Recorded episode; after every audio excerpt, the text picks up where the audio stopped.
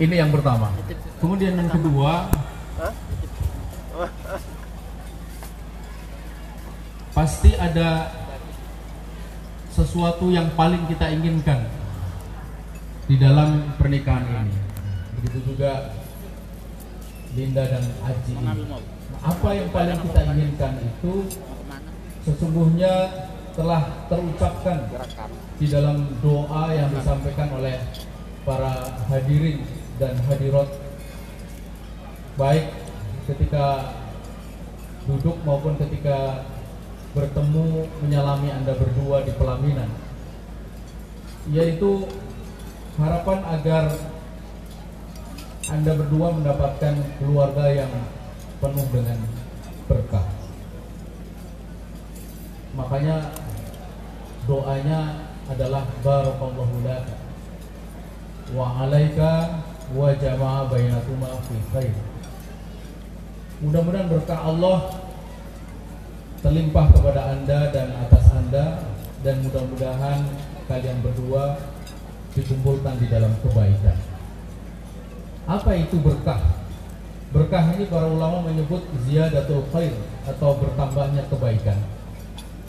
Keluarga yang berkah adalah keluarga yang selalu bertambah kebaikannya. Bertambah anak keturunan nanti bertambah kebaikan. Bertambah rizki, harta kekayaan, pangkat, derajat bertambah kebaikan. Yang pasti bertambah ilmu, bertambah kebaikan, bertambah umur, bertambah kebaikan. Begitu seterusnya. Apakah ada keluarga yang bertambah semua muanya itu tidak bertambah kebaikan? Kita bisa saksikan di sekitar kita. Nah pertanyaannya lagi adalah bagaimana cara agar keberkahan itu bisa kita dapatkan? Linda dan Aji ada satu hadis yang patut kita cermati, hadis kutsi riwayat Ahmad. Di situ Allah Subhanahu wa taala melalui lesan baginda Rasulullah SAW mengatakan, "Idza uti'tu raditu." Kalau aku ditaati, maka aku akan ridho. Wa idza raditu baraktu. Dan kalau aku ridho, maka aku akan memberikan berkah. Jadi tegasnya Allah hanya akan mungkin memberikan keberkahan jika Allah ridho dan Allah hanya akan ridho jika Allah ditaati.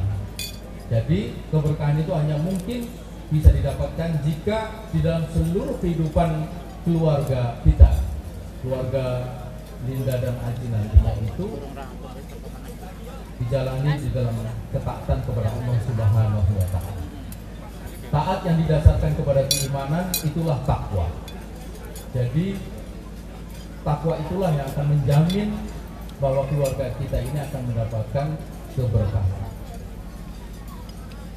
Taat seperti apa? Taat setaat-taatnya kepada Allah Subhanahu wa taala. Seperti apa atau contohnya seperti apa? Allah Subhanahu wa taala mengatakan di dalam Al-Qur'an untuk kita ini meneladani baginda Rasulullah Ibrahim alaihissalam dan keluarganya. Qad lakum uswatun hasanatun fi Ibrahim walladzi ma'ah. Sungguh telah dijadikan bagi kalian semua ada uswah hasanah pada diri Nabiullah Ibrahim dan keluarganya dan orang-orang yang bersamanya. Teladan apa? Teladan ketaatan. Ketaatan pada perintah apa? Perintah apa pun yang datang dari Allah dia taati. Sampai-sampai perintah yang mungkin bagi kita sekilas tampak tidak masuk akal. Perintah meninggalkan istri dan anaknya yang masih dalam gendongan di satu lembah yang tidak ada kehidupan. Ini askantu min duriyati biwadin ghairi zizar'in. Itu ada di dalam Al-Qur'an. Aku diperintah untuk meninggalkan sebagian anggota keluargaku di satu lembah yang tidak ada ketumbuhan.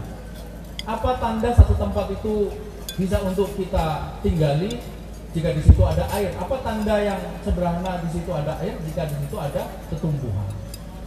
Jika di situ tidak ada pertumbuhan berarti tidak ada air dan berarti tidak layak untuk ditempati. Di tempat seperti itulah di mana di Bakkata. Ida wudi alin nasi lalladzi bi Bakkata mubarak. Jadi di Mekah sekarang ini. Kalau Mekah sekarang ini tentu satu tempat yang sangat ramai, yang tidak pernah sepi. Tapi ini ceritakan 3000, 3500 sampai 4000 tahun yang lalu. Kita bisa membayangkan seperti apa. Maka begitu suaminya, yakni Nabiullah Ibrahim alaihissalam meninggalkan Siti Hajar, Siti Hajar terkejut. Lalu dia bertanya, Aina tadhab ya Ibrahim? Tidak ke mana engkau pergi? Tidak dijawab oleh Nabi Ibrahim. Lalu Siti Hajar bertanya dan pertanyaan ini menjadi kunci perubahan sikap dia. Apa pertanyaannya? Allah yang muruka bihada? Apakah Allah memerintahkan hal ini kepadamu? Lalu dijawab dengan tegas oleh Nabi Ibrahim, iya. Kemudian dia sendiri mengambil kesimpulan idan la Allah. Kalau begitu maka pasti Allah tidak akan menyia-nyiakan diri kita. Jamaah sekalian, Bapak Ibu sekalian, Linda dan Aji, ini ini kisah yang memberikan pelajaran kepada kita bagaimana seorang anak manusia bernama Siti Hajar begitu luar biasanya. Meskipun dia ditinggal oleh suaminya di satu tempat yang begitu dekat kan begitu tahu itu adalah perintah Allah maka dia langsung tunduk sami'na wa ata'na inna makana qaulal mu'minina idza du'u ila Allah wa rasulih liyahkuma bainahum ayyakulu sami'na wa ata'na tidaklah ucapan orang yang beriman apabila serukan kepada Allah dan Rasul untuk mengikuti atau melaksanakan hukum syariah yang telah ditetapkan oleh Allah kecuali perkataannya adalah sam'an wa ta'atan kami mendengar dan kami mentaati. Baginda Rasulullah Ibrahim alaihissalam juga diperintah untuk menyembelih anaknya. Ini arafil manam anni adbahuka. Ini perintah yang juga bukan alang kepala. Resikonya apa? Resikonya adalah kehilangan putranya yang sangat dicintainya. Begitu juga buat Ismail. Risikonya adalah kehilangan bukan kehilangan harta, tapi kehilangan dirinya, kehilangan nyawanya, kehilangan kehidupannya. Tapi lihatlah apa yang dilakukan oleh manusia-manusia yang luar biasa ini. Ketika ditanya kepada putranya itu, kepada anaknya itu, Fandur mata taro, Ismail dengan tegas menjawab, Ya abadi if'al matuk maru, satajiduni insyaallah minas sabirin. Lakukanlah, laksanakanlah apa yang Allah perintahkan kepada dirimu, niscaya engkau akan menjumpai diriku termasuk orang-orang yang sabar. Jadi taat kepada Allah dengan taat setaat-taatnya. Dan ketika taat maka Allah ridho dan ketika Allah ridho Allah akan memberikan berkah. Berkah apa yang dilimpahkan oleh Allah Subhanahu wa taala kepada keluarga Ibrahim? Berkah yang luar biasa sebagaimana lanjutan dari hadis tadi itu. Laisa fi barokati nihayatun. Dan tidak adalah dalam berkahku itu batasan. Jadi begitu Allah sudah memberikan berkah, maka Allah akan memberikan berkah yang unlimited, tak terbatas. Sebagaimana dirasakan oleh Nabiullah Ibrahim alaihissalam berupa keberkahan macam-macam, termasuk di antaranya adalah keluarnya air zam-zam yang di, sangat diperlukan pada waktu itu untuk air minum putranya Ismail. Sampai ini hari ya, air itu tidak tampak bakal habis meskipun sudah dikonsumsi oleh ribuan jutaan puluhan juta bahkan mungkin miliaran manusia sejak 4000 tahun yang lalu. Linda dan Aji ini poin yang kedua yang sangat penting karena itu ingat-ingat jikalau betul-betul anda ingin mendapatkan keluarga yang berkah maka kuncinya adalah ketaatan. Keluarga sakinah mawadah warahmah itu itu adalah keluarga, itu adalah cerminan dari keluarga yang berkah tadi itu. Berkah itu tampak dalam bentuk keluarga yang sakin, penuh dengan mawadah warahmah. Kemudian yang ketiga, yang poin yang terakhir, lalu kalau begitu lantas apa tanda-tanda keluarga itu mendapatkan berkah keluarga yang sakinah mawadah warahmah? Linda dan Aji saya menyusun kriteria sakinah mawadah warohmah itu dalam enam kebahagiaan. Enam kebahagiaan kebahagiaan apa saja? Yang pertama adalah kebahagiaan yang bolehlah kita sebut kebahagiaan material yaitu ketika tercukupi kebutuhan sandang papan pangan. Menjadi kewajiban Ananda Aji untuk memberikan nafkah kepada Ananda Linda dan keluarga nantinya. Tapi pastikan bahwa nafkah yang masuk ke dalam rumah, setiap rupiah masuk ke dalam dompet itu adalah rezeki yang halal. Karena tidak akan pernah terjadi keberkahan jikalau masuk ke dalam rumah, ke dalam rekening, ke dalam nasi, ke dalam minuman, ke dalam semua perabot rumah tangga dari rezeki yang haram. Pastikan itu. Allah mengatakan layat kulul jannah damun warahmun nabatamin suftin an-naru aulabih tidak akan masuk surga darah dan daging yang terbuat dari barang yang haram neraka lebih layak buat buat buat mereka. Bahkan Nabi mengatakan lebih baik ke dalam mutu dimasukkan tanah daripada masuk barang yang halal.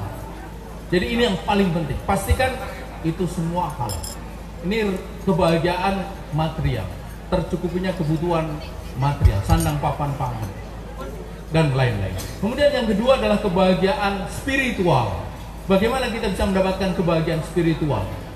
Jikalau keluarga itu selalu dihiasi dengan ibadah yang lekat, Ananda Linda dan Aji, lewatilah malam-malam pertama itu selain dengan hal-hal yang pokok, dengan sholat malam, dengan bacaan Al-Quran. Tadi sudah disinggung di dalam khutbah nikah bahwa hiasilah rumahmu dengan cahaya Al-Quran. Karena Al-Quran itu bacaannya alaika bi tilawatil Quran fa innahu nurun laka fil ard wa dhuhrun laka fis sama. Karena bacaan Al-Quran itu akan menjadi cahaya bagi kamu di bumi dan simpanan bagi kamu di langit. Salat malam, baca Quran, puasa, sunnah, Senin, Kemis dan sebagainya itu semua akan memberikan apa yang disebut kebahagiaan spiritual. Kebahagiaan material dicari, tapi itu bukanlah segala-galanya. Ada banyak orang yang sudah tercukupi kebutuhan materialnya tetap merasa ada yang kurang. Mengapa? Karena ternyata dia meninggalkan ibadah yang menjadi kunci bagi didapatkannya kebahagiaan spiritual. Kemudian yang ketiga adalah kebahagiaan intelektual. Apa itu kebahagiaan intelektual? Yaitu ketika keluarga dibimbing, dijalani dengan penuh ilmu. Kita semua di dalam keluarga pasti menghadapi masalah dan tidak mungkin masalah kita hindari masalah harus kita selesaikan. Bagaimana cara menyelesaikannya? Jikalau kita punya ilmu. Karena itulah maka penting sakofah dari agama kita ini dipelajari, dikaji dengan sungguh-sungguh agar setiap masalah yang kita hadapi langsung kita tahu bagaimana cara menyelesaikannya menurut tuntunan agama kita. Begitu kita menguasai maka dengan cepat kita bisa menyelesaikannya dengan tepat, bukan malah menimbulkan masalah baru. Inilah kebahagiaan intelektual. Tidak pernah ada orang yang bodoh, orang yang jahil, orang yang tidak tahu apa-apa merasakan kebahagiaan. Yang dia rasakan adalah kesedihan karena dia tidak tahu apa yang harus dia lakukan. Itu yang ketiga, yang keempat, kebahagiaan uh, biologis, kebahagiaan seksual. Ketika dari pernikahan lahirlah anak keturunan, anak keturunan yang soleh dan soleh. Lalu yang keempat adalah kebahagiaan, atau yang kelima kebahagiaan moral. Kebahagiaan moral adalah ketika keluarga dihiasi dengan akhlakul karimah. Allah mengingatkan kepada saudara Aji, wa asiru bil ma'ruf. Pergaulilah istri-istrimu itu dengan ma'ruf. Wajib bagi Aji mempergauli Linda itu dengan ma'ruf. Fa in tamu hunna wa asa an takrahu say'an wa yaj'alullahu fihi khairan katsira. Anda yang kau menjumpai pada diri Linda itu sesuatu yang tidak menyenangkan dirimu bersabarlah karena di balik itu sangat mungkin ada banyak kebaik kebaikan di dalam diri istrimu itu. Sabar, sabar, sabar di dalam menghadapi setiap persoalan yang terkait dengan istri, dengan Linda. Begitu juga sebaliknya, Linda wajib dia mempergauli suami dengan penuh ketaatan. Nabi mengatakan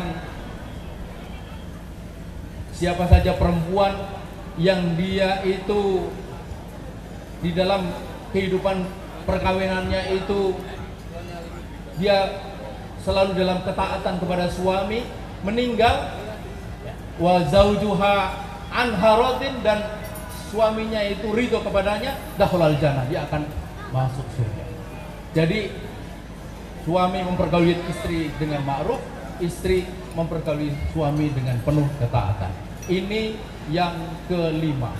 Jikalau satu keluarga dihiasi dengan pergaulan yang penuh dengan akhlak karimah, maka akan didapatkan kebahagiaan moral. Dan yang terakhir adalah saya sebut kebahagiaan kebahagiaan ideologis, yaitu ketika keluarga dibawa bukan sekedar untuk kepentingan pribadi, tetapi juga untuk kepentingan umat, bangsa dan negara ini. Karena dari keluarga lahir anak keturunan yang semestinya jika dididik dengan sebaik-baiknya akan menjadi kader-kader umat, kader-kader bangsa dan negara yang akan memimpin masa depan negara ini dengan sebaik-baiknya. Itulah Linda dan Aji apa yang saya sampaikan pada kesempatan yang uh, mulia ini, kesempatan yang berbahagia ini. Begitu juga para hadirin Bapak Ibu sekalian, mudah-mudahan keluarga Ananda kita Aji dan Linda ini selalu mendapatkan berkah dari Allah Subhanahu wa taala menjadi keluarga yang sakinah mawadah dan rahmah dan lahir darinya anak yang soleh dan solihah insyaallah demikian walaupun wassalamualaikum warahmatullahi wabarakatuh